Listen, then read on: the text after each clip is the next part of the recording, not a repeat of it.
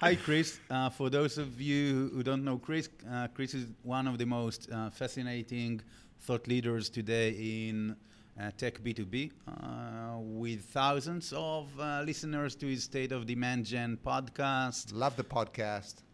Love your Thank stuff, you. man. Yeah. Uh, Chris is also the CEO and founder of Refine Labs, uh, right? A demand accelerator uh, with a radical approach uh, to SaaS B2B marketing. Hi, Chris. How are you, man? I'm really excited to be on the show. Thank you for having me. Thanks for waking up yeah, early. Things are great. For Oh, us. it's it's it's 12:30 in the afternoon over here. Oh, It's okay. fine. No, we're used we're used to seeing you know we're used to seeing darkness outside your window. Oh. So It, it looks so much sexy in, in nighttime. but everything does, isn't it? Um, so look, the way we usually start is, you know, we just uh, have uh, sort of a quick uh, fire uh, round of, uh, of questions uh, where we ask you for, you know, your favorite tech brand, for example. Um, There's none. I don't. I'm not. Uh, you know, like if if you force me to go on, honestly, the one that's top of mind right now is Gong. Okay. And I don't I'm not a Gong user, but I just think that they're marketing well and have a good strategy and their customers are happy. And so um, I think they're doing a lot of progressive things that a lot of other B2B marketers might be scared of. I think they're doing some good stuff. If I had more time to look deeply, I might have a couple other ones that people might not like, I think a lot of people know Gong. I might have other ones, but that's when I got off the top of my head. Okay. All right, great. What marketing tool do you like the best? I know you're not into tools that much. Yeah. Um, But still. Not into a lot of tools. Um, if you give me uh, Salesforce with a mark like basic marketing automation setup, that's great. Been leading in pretty deeply to both Clearbit and metadata. Um, those are the ones that I would call out right now. We do uh, spend millions of dollars a month on Facebook and Instagram, and the only way that you can spend millions of dollars a month on Facebook and Instagram uh, in B2B for most B2B companies is to use a tool to target better. And so both those tools help us get there. Um, so it's probably the one that we go to the most. And then I, I think a lot of the other stuff for people to think about is like, you don't need a lot of stuff to do marketing. Zoom subscription for forty dollars a month to record this podcast, a little webcam, you know, Anchor to post your podcast for free, LinkedIn to po- post your podcast for to post your content for free, YouTube to post your content for free. um, when it comes down to it, right now, the it's not about the tools it's about the strategy and the talent and the mindset and that's the way that i look at it right now because content is at the front and i think a lot of companies because of how they've structured their marketing team or how they think about marketing don't set their their marketing team or their company up to be successful in a content first world Yeah, yeah. Well, that's definitely not uh, conventional wisdom. So it's something we will uh, dive deeper into. Um, now, this is a corner which we like personally. Uh, you know, you have to tell us about one awesome win. You know, one that uh, goes into the history books. Um, something that comes to mind and you know, created significant impact for yourself or a customer. Um, I mean, I got. I'll, I'll give you two. One of them is just the uh, the. I started this company by myself with almost no money like two years ago, and have been able to collect some of the best talented uh, people that I know in B two B demand gen. So that has been just like very fulfilling. I look forward to continuing to build uh, the best team that I can, and then a lot of the success that we have is driven through the success of our customers. And so some of the customers that we've been working with now have been with us for more than a year, and we've been able to look back on annual changes in their business from the year before they started working with us to the year that they started working with us, which included COVID. And so um, some major increases for companies that were in series C, D stages in terms of qualified pipeline. One had qualified qualified pipeline from marketing sourced increased by 309% year over year. And they hired us on the first day of their new fiscal. And so um, we're not definitely not going to take all the credit. The company did a lot of awesome stuff, right? Like, but but we help in that process, and so um, that's something that I'm really excited about. All right, great. Te- now tell us about one like glorious failure and what did it teach you, maybe? Ideally, Um, I mean, I don't have a. I, I'm I'm lucky to not have a lot of glorious failures, um, but but but one that taught taught me something interesting that I think people can learn from is I've been starting little companies for a while now. And so I, I had an e-commerce company in 2015. I lived in California at the time. Um, and it was just me. I built it in my bedroom to 300K in like six months, 300K in revenue. Um, and did not, ma- didn't, I was young and did not know how to manage cash flow. Mm. And so I started to take money that was the profits of the company and buy a car and go to fancy dinners and do stuff like that. And then I needed to go make a hundred thousand dollar inventory buy to keep scaling the company and couldn't make the inventory buy and the company failed. And so um, I learned uh, a really, you know what I mean, micro failure, right? Small company, not I didn't lose anything. The company just didn't grow. Um, but I learned a, a, valuable lesson that I use now, which is that we take zero dollars out of this business and it continues to grow, right? And just feed feed the business. Okay. All right. Great. Okay. So over to I guess you know the the core section of, of the podcast where we you know we want to ask you questions about things that you usually talk about and write about. Uh, so you know, first thing is you know all about you know how you think attribution is broken. So obviously you know everybody's trying to figure out you know attribution and using all kinds of fancy tools, which you know we we know will never give you the full picture anyway. Uh, mm-hmm. But you you are very vocal about how broken attribution is and how it actually leads you in the wrong direction. So, do you mm-hmm. care to elaborate about that? Yeah, first, just so everyone, all the CMOs and marketing leaders and everyone, just so they know, like we use attribution software with every account that we work on right so let's just lay that on the table like mm-hmm. i talk about the the things about attribution because I, the way that i see it used mm-hmm. in companies and how it guides decisions to be misguided and give you the wrong if you don't know how to interpret the data you make the wrong decisions about what to do next. And that's what i'm vocal about. Because companies obsess over attribution at executives that are outside of the cmo cfo says i want to see this you know linked utm data in order for you to post on linkedin every day. Otherwise you should go do something else. Mm-hmm. yeah. And i'm over here and i'm like we closed i don't know four three four million dollars of net new arr this this year so far we market on LinkedIn and a podcast, and 90% of our revenue gets attributed to organic search in HubSpot Enterprise. and, and with their multi-touch attribution tool. And that's what you're going to get when you do marketing like us.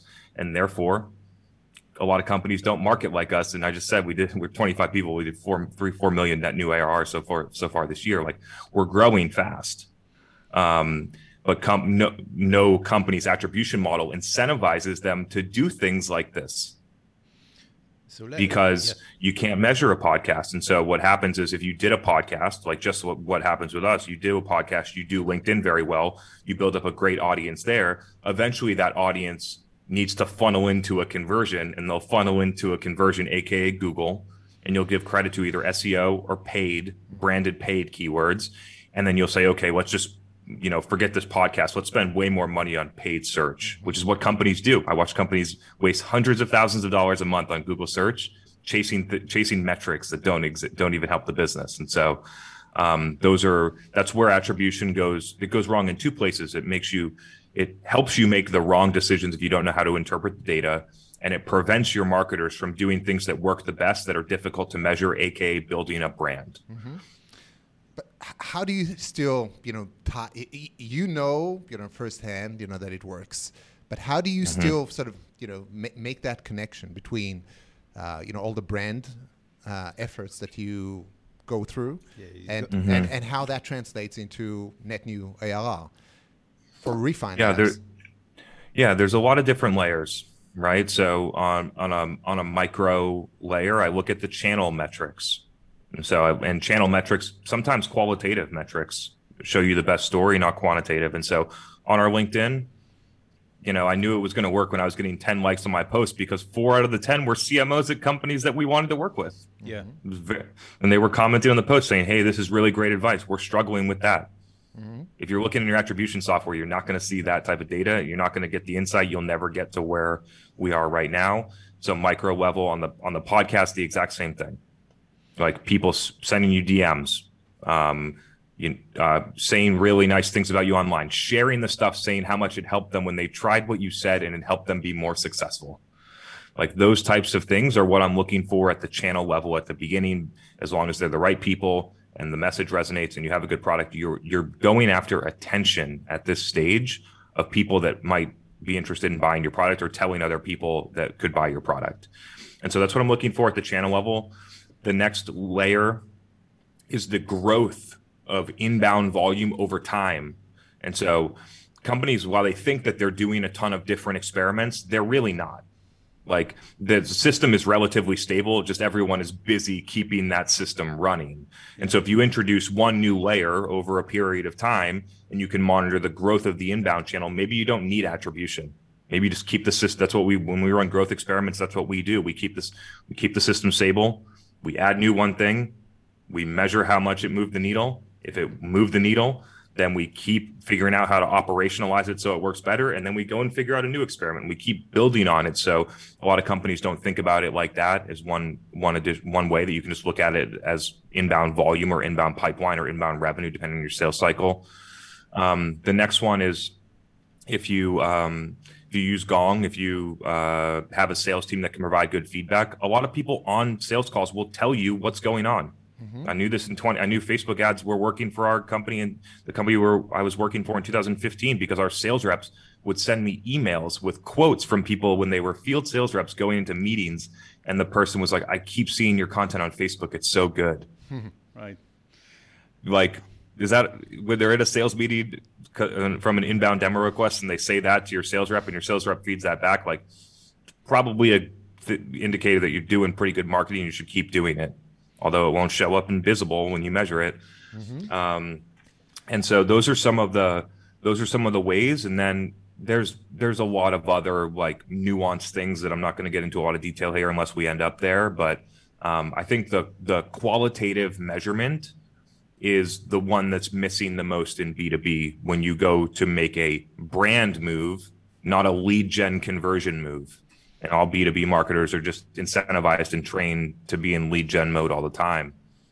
Yeah, the main challenge is always how you sell it to the CEO, right? Because a lot of the CEOs understand like, show me the quantitative stuff, show me the ROI on, on, on what we did. What's your mm-hmm. advice for, for CMOs on how to sell the qualitative measures, especially to, to the CEO?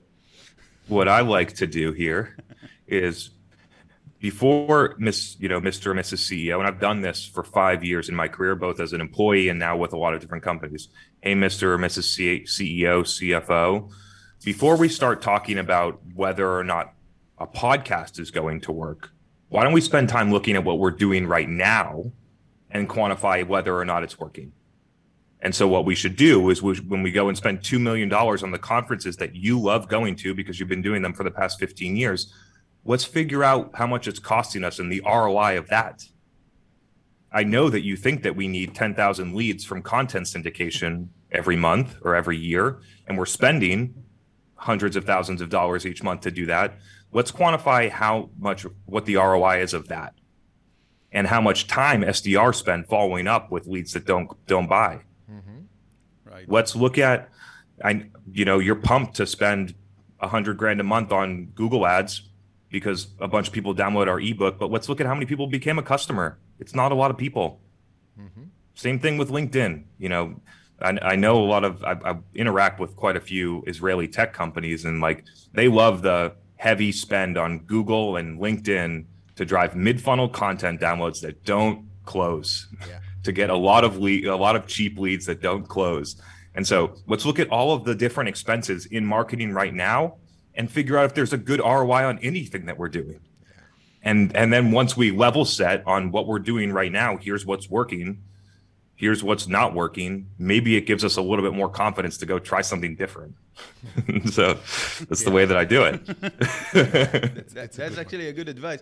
A lot of the CEOs, though, that, that we work with, uh, at least, uh, are somewhat new to, to that. And, and sometimes it's a new startup. It's, you know, they just hired the, the CMO, it's an A round or, or something. And a lot of the CEOs that, that uh, at least we, we meet is, you know, from day one, they, they come with this, you know, I want to see the ROI. I want every dollar that I spend, I want to see the, the return. So mm-hmm. you can show them what they're doing is not really working because they're really not doing anything. It's the first thing that they they are doing in marketing. So, so how, how do you go about that? It's more tricky, I guess. Well, for for me personally, I try not to work with those people or those companies, right? Like just having historical data and having a, a company that has a mature executive team past a, maybe a B round is important because they've scraped their knees and they understand that getting a marketing engine to work is not waving a ma- hiring an agency and waving a magic wand. There's a lot of things that need to go into it. I, a lot of people would argue that it's actually more difficult than scaling your sales team. Mm-hmm. I would argue that. Yeah. Yeah. Um, and so when we think about uh, when we think about the ROI of marketing, I like to look at it in, in two separate ways for people. And so there's two separate things to think about. One, you're capturing demand of people that are already looking to buy what you sell. Right. And so you're going to be lower funnel right there. You can measure that at direct ROI. You should be able to. Yeah. And so there's one. And then if you're going out and creating demand, AKA getting people that are not in a buying cycle aware of your brand, moving them closer to buying. And when they move closer to buying, they're going to buy you they're going to look for you, not the category of what you sell, and therefore get four RFPs with other vendors. They're just going to come and buy your stuff. You need different thoughts on your expectations and time out of that. And by the way, all the upside is on creating demand, and it takes a little bit longer. And so, ten years ago, um, executives, whether it's you know board, VC, executives, marketers, have been trained that marketing should happen fast because they collect a lot of leads that don't buy and when you are marketing to create people that buy, you, what you're actually doing is moving somebody through a sales cycle without a sales rep. Mm-hmm. And so it takes longer. If you have a if you have a 90 day sales cycle and you're going to get that person when they're 80% of the way done instead of 0% of the way done, maybe it'll take you 75 days for that lead to surface. Maybe it'll even take longer because yeah. you, you lose a lot of those deals because there's not actually a pain point those people want to no solve. yeah, there's no. And intent. so and so people need to reframe their mind on time when it comes to marketing in some of the ways that I talk about. Um, and that's just the way the way that I like to look at it. But if you're if we're going to have the ROI conversation in an early stage company, the ROI conversation in an early stage company gets rooted on the comparison against other ways to get revenue. Mm-hmm. And so let's compare it against our our 12 person SDR team. I know that we're I know that we're spending a million dollars a year on that. Yeah. And we're going to spend a million dollars over here on marketing for our Series A company. And I know, you know, we just talked about attribution is cloudy. Like, pick your rules, like, make it smart. There's plenty of data out there based on your sales cycle about how to make attribution for SMB, mid market, and enterprise deals.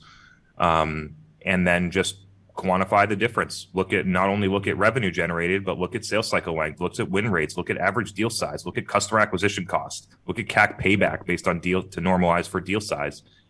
And then you have a your outbound channel gives you a benchmark for what marketing should deliver. And marketing should be better than your outbound channel from a cost efficiency standpoint. And that's the way that I like to look at it. It's it, it's it's great, but I, I guess you know going back to the awareness, awareness uh, channel. So uh-huh. uh, obviously, quali- uh, uh, qualitative uh, is important, but do you have any quantitative metrics that you look at? You know, in terms of creating demand. Um.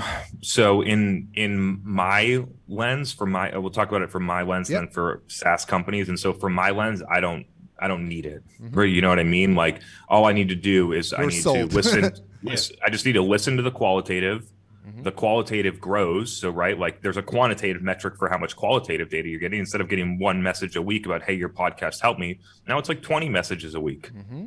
There's some quantitative, there's a quantitative impact for you. We watch our podcast audience growth grow and it maps directly to our revenue growth. so that one, that one helps too. And so there's like, I, I personally don't need it, right? So that's one. But on the B2B like SaaS side, I think a lot of the things that I just said are just common sense that would make make sense for a B2B SaaS company if they just really thought about it. Like, oh, we have the the CTO podcast, the best one in Israel.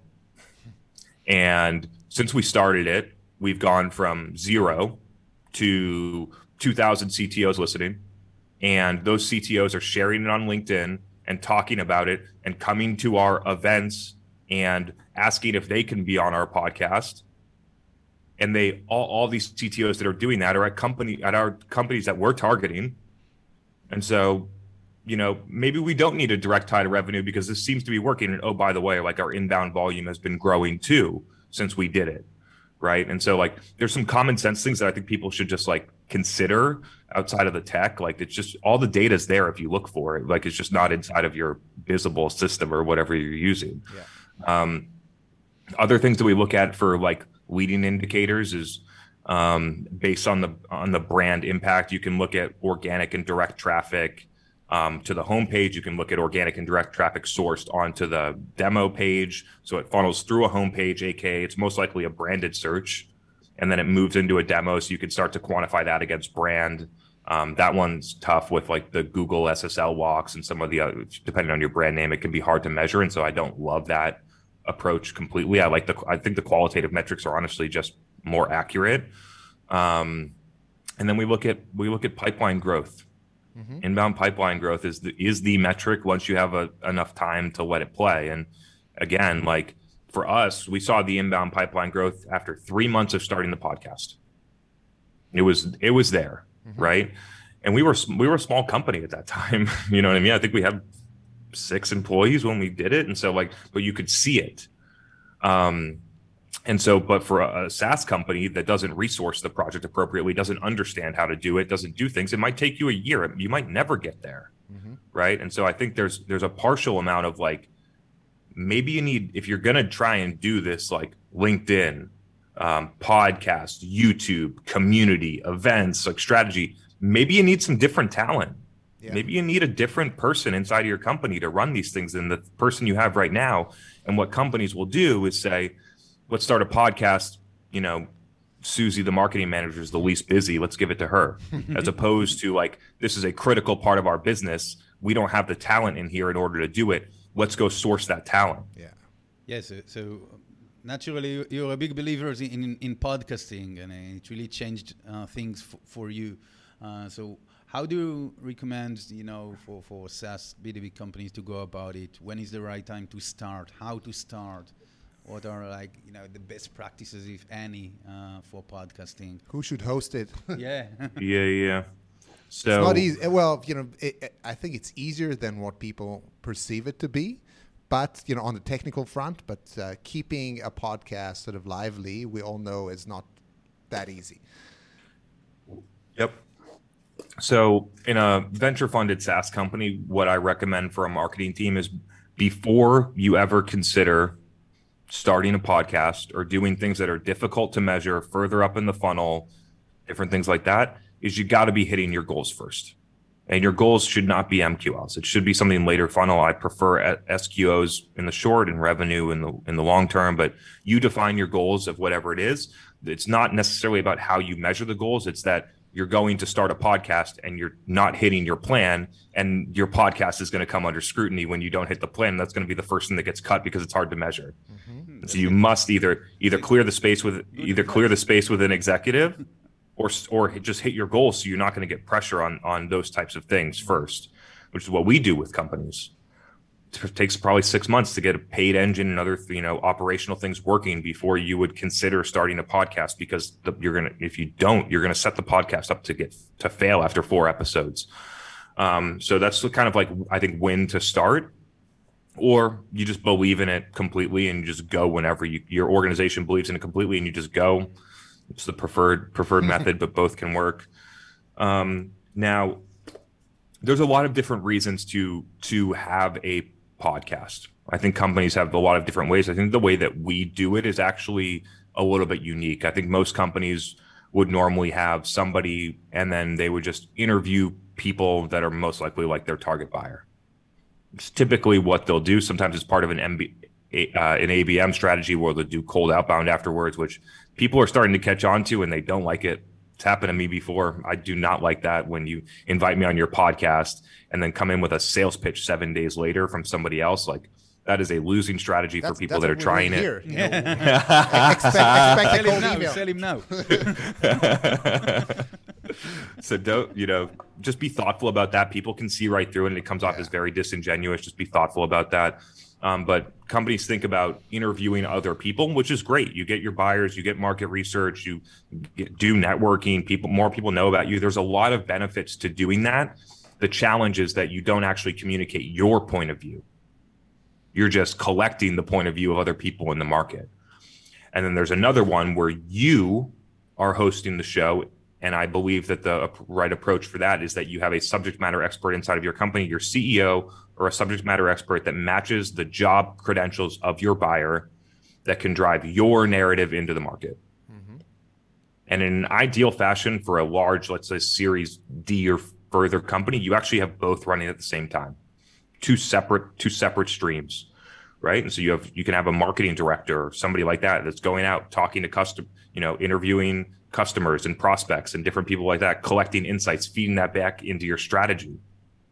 And then you can have somebody that's driving your narrative into the market about where you feel that this function or this industry or this thing is going. Mm-hmm. And so those that's the recommendation from a strategy standpoint. If you had to pick one, I just honestly think that the narrative component is better. I think that it works better. We're doing it right now. It's a lot. It's it's more challenging to execute. You saw the two different things. You need a marketing director that just interviews people, or you need somebody that people that people trust, that your buyers trust, that is credible, that can drive your narrative, that has a point of view. Different things like that. It's harder. Um, so that's sort of like the, the two separate ways. If you, when I say about sourcing talent, if you're going to go the narrative route, it's your CEO or you have that person in your company. They just don't think they're the host of the podcast right now. And so if they don't if they don't want to be the host, then you need to go and find somebody else. If you saw the CFOs and your CFO doesn't want to be the, the host of the podcast, you want to go the narrative route and your CEO isn't going to do it, you need to go find a new CFO that can do that. That's my my opinion, and I think that would be a worthwhile investment um, for a for a company that's at this appropriate stage. When you get to the operational component, I'm not going to talk about tech and recording and post production and different stuff like that.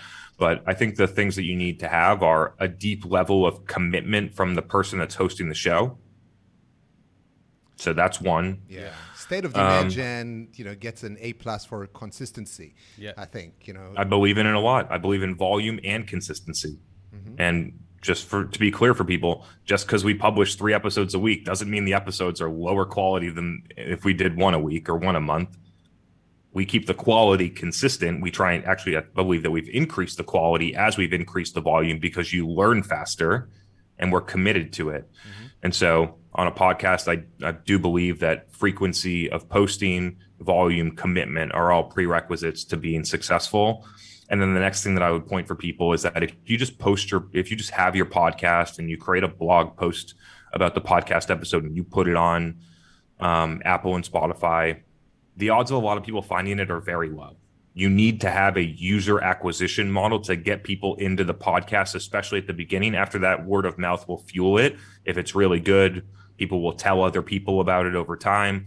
But at the beginning, you got to find a way, depending on how big your podcast TAM is, to get 50, 500, 5,000 people, depending on your TAM, into that thing, which is going to be most likely driven through organic social distribution. Yeah, yeah, it's a valid point. You know, distribution is part of everything. Even you know, the best content needs the initial push. So yeah, I think I'm just to go in a little bit of a tangent here, I think that most SaaS companies right now, I interact with 30 of them currently.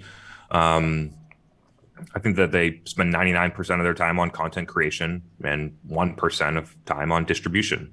So they create a lot of content that nobody sees. Mm-hmm. And, s- and so when I look at this, especially if you're in a more like an enterprise deal, like you got to be i mean almost in almost all deals it's 50 50 in my view. Like the create the content creation is as important as the distribution because without the distribution not to impression to consumption right? And so people also do not are not thoughtful about the idea of what does consumption content consumption mean as opposed to distribution and then following consumption is impacts you have create content creation content distribution which leads to content consumption and then did the content make an impact Yeah. following consumption is what i look for and the qualitative the, if you look at it in that stream the qualitative indicators actually tell you about impact What are uh, the right? You're talking also a lot about the right channels and, and the difference between channels for creating demand to mm-hmm. channels to harvest uh, demand and, and intent. Mm-hmm. So, what, what do you think are, are, the right channels for this and for that? Yeah, yeah. So first off, for for almost every B two B SaaS company, they're all doing the same stuff, right? They're all using the same channels. They're all doing the same things. It is not about the channel. It is about how you use it. Yeah. That matters. That's how you get def- differentiated. That's how when I just they asked me about the brand, I said Gong versus a different brand. They use the channels differently than how everyone else is doing it. Mm-hmm. Right. And so it's how you use it. When you break down the content into sort of like capturing versus creating, I just look at it at, with a empathy for the level of buying intent that somebody has when they're on that channel to buy my thing, not to buy anything, right? And so when somebody's in Google searching for HR tech tool to do this they want to buy. thing, that's an intent channel. I'm going to try and capture someone and convert them. They have clear intent to buy there. If they're on G2 or Capterra looking around at sales engagement platforms, and you are a sales engagement platform, you might want to be there and try and convert that person because they're clearly in buy mode. Um, and there's plenty of different permutations of that system, but just having an empathy is someone looking to buy exactly what you sell or not.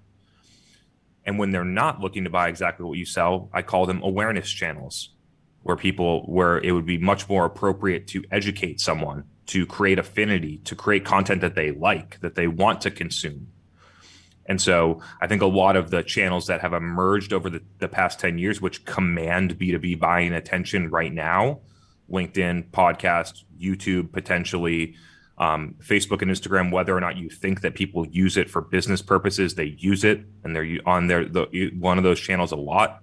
And then it's your job to figure out how to tell a business story in a personal platform based on how they're using it. And so I think people spend a, a lot of B2B buyers consume information there.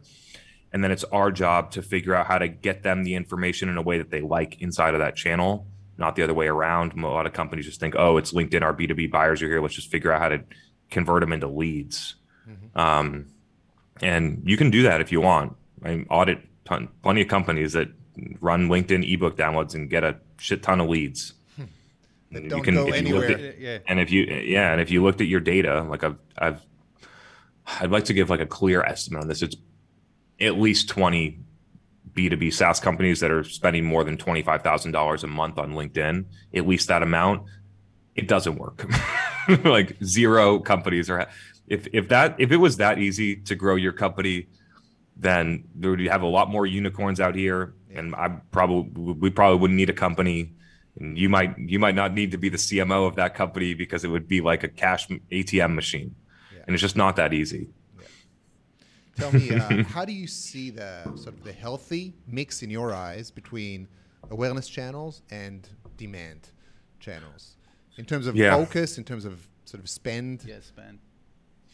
Um, so intent channels are p- pretty locked in, mm-hmm. right? Like there's there's a steady flow of people that are searching for HR onboarding tool every month. Yeah. It might go up and down, but that search volume is pretty consistent. And so in the intent channels, you can pretty much just cover what is available. I think that's smart. And then over time, you should optimize because not everything you covered initially is going to have positive ROI.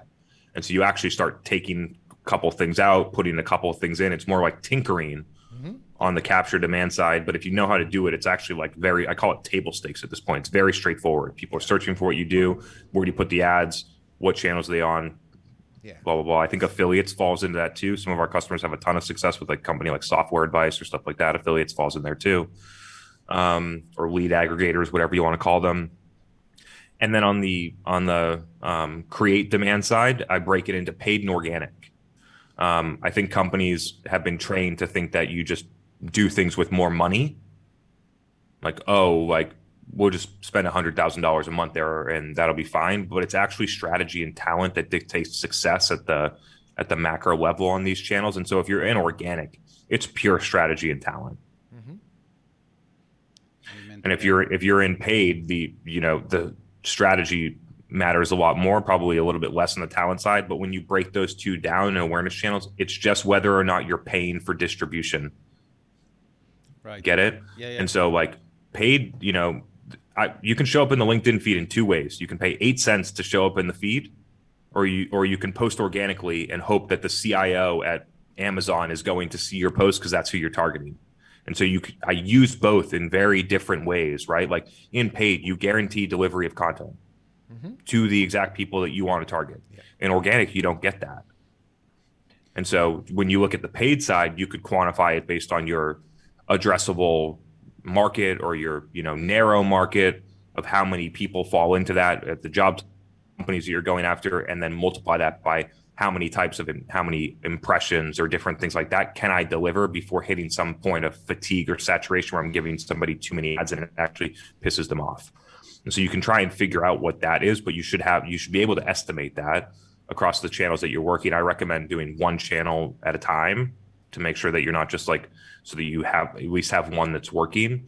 And then on the organic side, you got to build. But the, on the organic side, your build your your costs are not in distribution; they're in content creation and talent. Yeah. Right. And so, sort of a different way of looking at it. Would be happy to answer a follow up on this one because I don't talk about it very often, but I think it's really interesting. Is it, is it the right mix, or, or is it depending on the stage of the company between paid and, and organic? Um, I don't think that it's dependent on the stage. I think it's more dependent on the current per- business performance and the growth ambitions of the company and their customer acquisition cost targets. A lot of the companies that we work with are more, and a lot of the companies just in general in this community are more focused on top line than CAC payback period. If you had to pick one, I think most company would, most CEOs would focus on top line. And so, um, in those cases, like, would you would you rather get way more customers by by paying for some ads, and then you get you know you have a seven month CAC pay advertising CAC payback period instead of a two month advertising CAC payback period? A lot of companies would rather do that because if you looked, you would see that the sales and efficiencies on the other side, you're actually you get seven month advertising CAC payback. Your blended CAC as a company goes down because you get more customers in an efficient way through marketing. And so, um, I don't think that there's a there's a prescriptive way to think about it. Um, yeah, I don't think that there is. What we do with companies is we look at baseline data, outbound cost per SQO, outbound co- customer acquisition costs, historical marketing cost per SQO, customer acquisition cost, cost per lead, win rates, different stuff like that. We set targets based using historical win rates of what the allowable customer acquisition cost target that we have, which is usually dramatically lower than what's happening right now.